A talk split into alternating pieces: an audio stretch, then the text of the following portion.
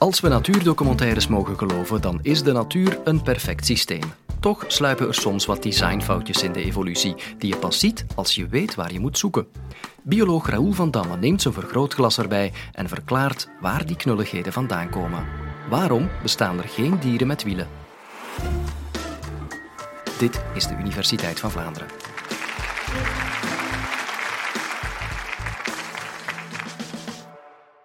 Waarom bestaan fantastische creaturen zoals centauriërs en uh, gorilla's ter grootte van King Kong alleen maar in onze fantasie? Waarom zijn dieren en planten die dan wel bestaan vaak heel uh, onvolmaakt? Waarom hebben mannen bijvoorbeeld nog altijd tepels? Waarom hebben zij een zaadleider die minstens een halve meter te lang is? Op een manier zijn die vragen ontluisterend, omdat we geleerd hebben van David Attenborough dat de natuur zo prachtig in elkaar zit uh, en dat we uh, vele voorbeelden kunnen noemen van gaande van de zeer scherpe ogen van roofvogels over de camouflagekleuren van de poolvos die wit is in de winter en ros in de zomer, zodat hij altijd netjes uh, gecamoufleerd is.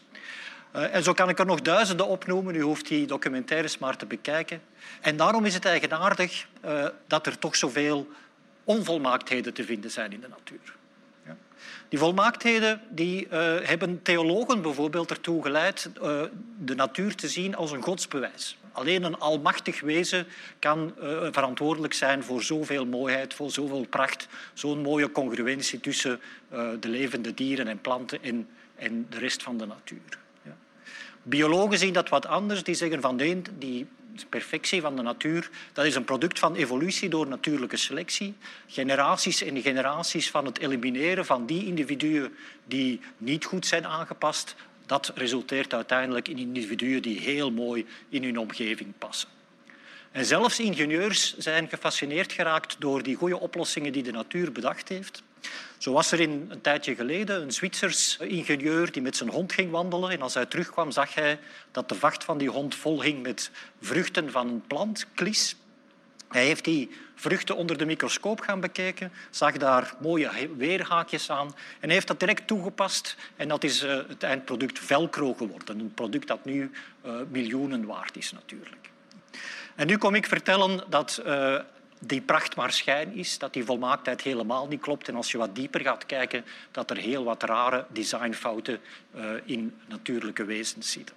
En eigenlijk schep ik er als evolutiebioloog eigenlijk meer genoegen in om de reden achter die onvolmaaktheden te zoeken dan om nog maar eens te tonen hoe mooi de natuur in elkaar zit. Dus waarom ontbreken er duidelijk een paar fantastische fenotypes en waarom zijn andere fenotypes zo slecht in elkaar gestoken? Wel, één vrij gemakkelijk antwoord zou kunnen zijn tijdsgebrek. Ja, we weten dat evolutie een traag proces is. Dus misschien moeten we wat meer geduld hebben en zal binnen een paar duizend of paar miljoen jaar alles inderdaad wel perfect zijn dankzij dat proces van natuurlijke selectie. In een aantal gevallen denken we dat dat argument opgaat. Ja. En dat is bijvoorbeeld het geval bij uh, de vruchten van heel wat uh, Zuid-Amerikaanse en Midden-Amerikaanse bomen en struiken. Een vrucht in principe is een hele mooie aanpassing, een heel mooi idee van planten op een moeilijk probleem voor planten, namelijk hoe verspreid ik mijn nakomelingen over het leefgebied. En zij hebben deze oplossing bedacht. Ze produceren dus dingen die er heel opvallend uitzien, een mooie kleur hebben, die ook vol suiker zitten, dus gegeerd zijn door dieren. En die dieren gaan die uh, vruchten opeten. Met die vruchten eten ze ook de zaadjes die daarin verstopt zitten op. Die zaadjes die passeren door uh, het verteringskanaal van die dieren. Die planten hebben er ook nog wat laxeermiddel in gestoken, zodanig dat dat snel genoeg gaat, zodat die zaden zelf niet verteerd geraken. Die zaden vallen dus aan de andere kant van dat dier uit het dier, worden ook nog eens bemest met de uitwerpselen van dat dier en zo kan er een nieuwe plant groeien. Het is een fantastisch systeem, een heel mooie manier eigenlijk om een lift te versieren. Maar wat gebeurt er bij die uh, Zuid-Amerikaanse en Midden-Amerikaanse planten? Wel, die produceren dit soort van vruchten. Gigantische vruchten, bovendien heel harde vruchten, die geen enkel dier in Zuid-Amerika of Midden-Amerika kan tot zich nemen. En wat gebeurt er? Die vruchten vallen gewoon naar de voet van die boom en die verpieteren daar, want daar is niet genoeg zonlicht om uh, die nieuwe plantjes te, te laten ontluiken. Ja. Dus elk jaar tonnen en tonnen vruchten die geproduceerd worden voor niks. Ja. duidelijke onvolmaaktheid. Hoe kan dat uh, tot stand gekomen zijn? Waarom is dat niet afgestraft? Wel, hier is misschien de traagheid van evolutie de oorzaak. Tot 13.000 jaar geleden of zo woonden er wel degelijk dieren die dit soort van vruchten aankonden in, in Zuid- en Midden-Amerika. Dat waren bijvoorbeeld luiaarden tot drie meter hoog, gomfoteren, dat waren een soort olifanten die geen enkel probleem hadden met het nuttigen van dit soort van vruchten. En dan, 10.000 jaar geleden, zijn al die grote dieren uitgestorven. Waarom, dat weten we niet precies. Maar natuurlijk, die bomen zijn die vruchten een tijdje blijven produceren. Doen dat nog altijd. Waarom? Ja, omdat zij nog niet afgeleerd hebben om dat te doen. En misschien als we 10, 20.000 jaar verder teruggaan naar uh, Midden-Amerika, zullen we zien dat ofwel al die bomen verdwenen, uitgestorven zijn, ofwel dat zij wel degelijk zich aangepast hebben en nu kleinere vruchten produceren die wel kunnen gegeten worden door de fauna van die streek. Dat is het tijdsgebrek. Een flauw antwoord, om eerlijk te zijn. Ja. Voor de meeste kenmerken die we uh, kennen in de biologie is er meer dan genoeg evolutionaire tijd geweest om die te laten perfectioneren. Dus er moeten andere redenen zijn waarom, kijk maar even rond u, rondom u, waarom er nog zoveel imperfectie is in de wereld. Ja. En een van die redenen moeten we zoeken in de fysica. Ja. Uh, levende organismen, levende planten en dieren, zijn natuurlijk ook fysische objecten en moeten dus luisteren naar de wetten van de fysica. En dat heeft bijvoorbeeld geleid tot uh, de, ja, de, eerste aanleiding van de overpeinzingen van vandaag, uh, de vraag waarom hebben dieren nooit wielen?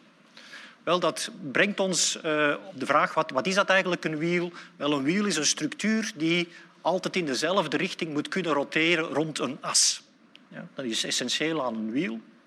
Maar stel u voor dat uw voeten wielen waren die ergens rond uw enkels draaiden op een of andere manier.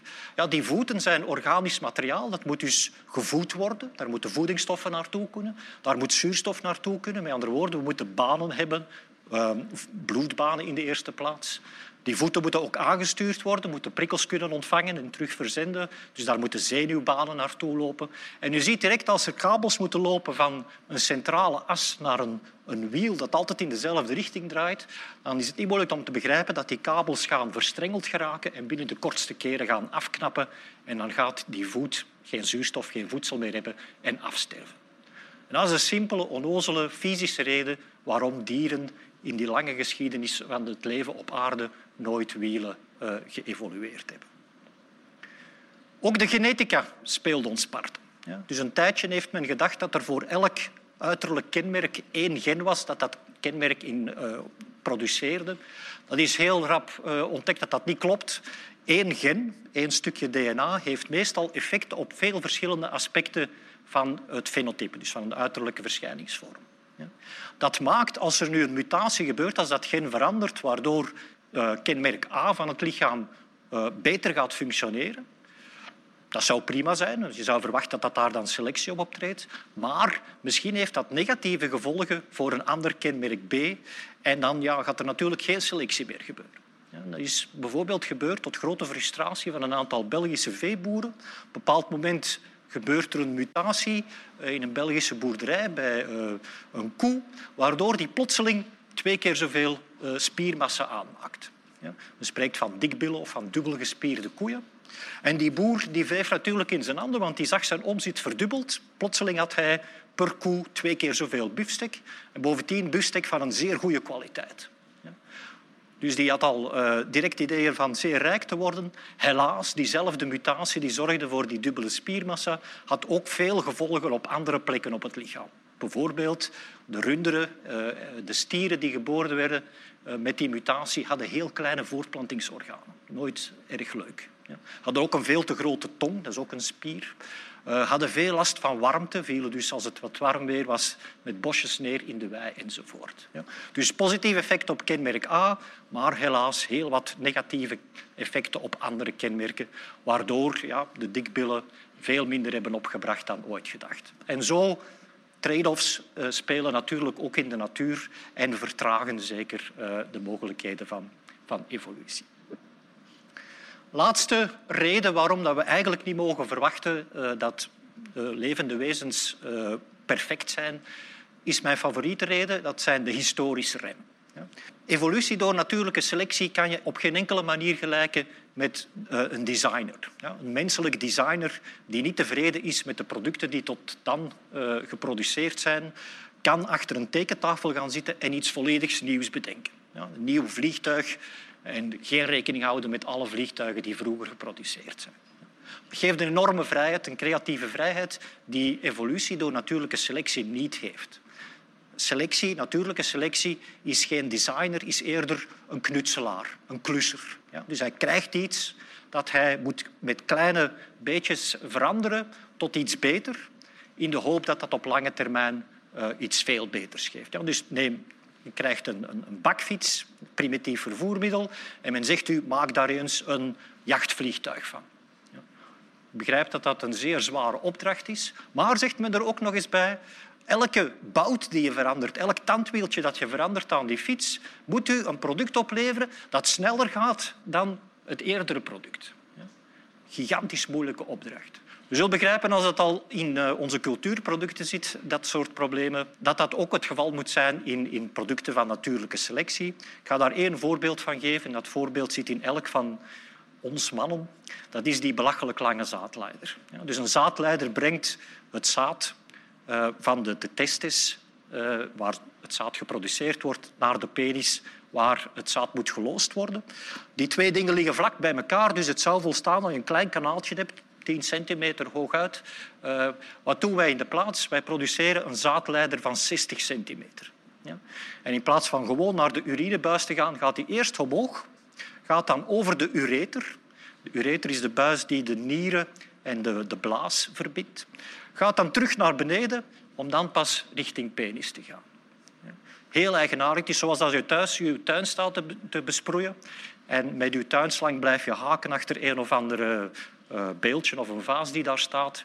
En je zou dan eigenlijk moeten teruggaan rond dat beeldje, maar dat doet niemand. Iedereen probeert dan toch nog het einde van zijn tuin te bereiken door die tuinslang omhoog te brengen. Ja. Zeer eigenaardig. Waarom in godsnaam neemt die zaadleider die omweg naar de penis? Wel, als je de historiek van uh, ons mannen, ons zoogdieren, bekijkt, dan begrijp je perfect waarom dat die zaadleider zo lang is. Bij de zeer primitieve zoogdieren zaten de testes, juist zoals de ovaria bij de vrouwen nog altijd, ergens in het abdomen. Dus vrij hoog in het lichaam. Het probleem was dat op een bepaald moment de zoogdieren beslisten om warmbloedig te worden. Ze gingen dus er alles aan doen om lichaamstemperatuur op die 37 graden te houden.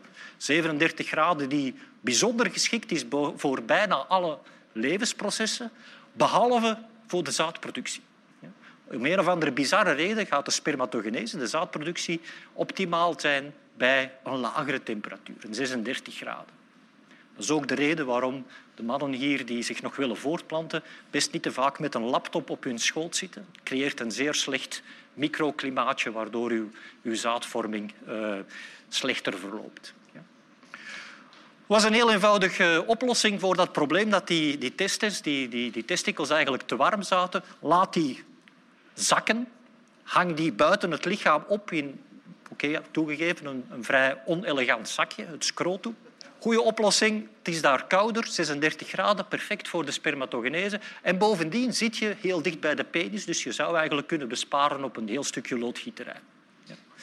Helaas, in de loop van die evolutie hebben de testes de verkeerde weg genomen. In plaats van ventraal langs die ureter te gaan, dus langs de buikzijde, zijn ze langs de achterzijde, langs de dorsale kant, naar beneden gemigreerd. Ja.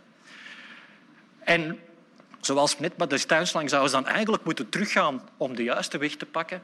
Maar teruggaan, dat was geen optie, want teruggaan betekende warmer worden. En de hele oefening was net ingezet om koudere temperaturen te ervaren. En de enige ja, knutseloplossing was dan om maar altijd maar langere zaadleider te produceren. En zo, helaas, mannen, zitten wij vol met onvolmaaktheden, belachelijke designfouten, uh, maar met ons alle levende wezens. En we, zullen, we mogen dus niet verwachten dat er binnen de kortste keren toch dieren zullen ontstaan met wielen, dat er zoogdieren met zes ledematen zullen ontwikkelen, dat er kingkongs van drie meter zullen ontstaan. Uh, daar zullen we mee moeten leren leven, met die onvolmaaktheid. Misschien kunnen we troost vinden in het feit dat die evolutie ook geleid heeft tot hersenen die ons in staat stellen om te fantaseren over zo'n fantastische creaturen en ook om te begrijpen waarom dat die onvolmaaktheden nog altijd aanwezig zijn. De natuur weet steeds te verbazen. Heb je je al eens afgevraagd waarom er zoveel kleuren terug te vinden zijn in bloemen, planten en dieren, maar de mens enkel huidskleurig is? Luister dan naar podcast nummer 208. Waarom zijn mensen niet blauw? van professor Bram van Toernout.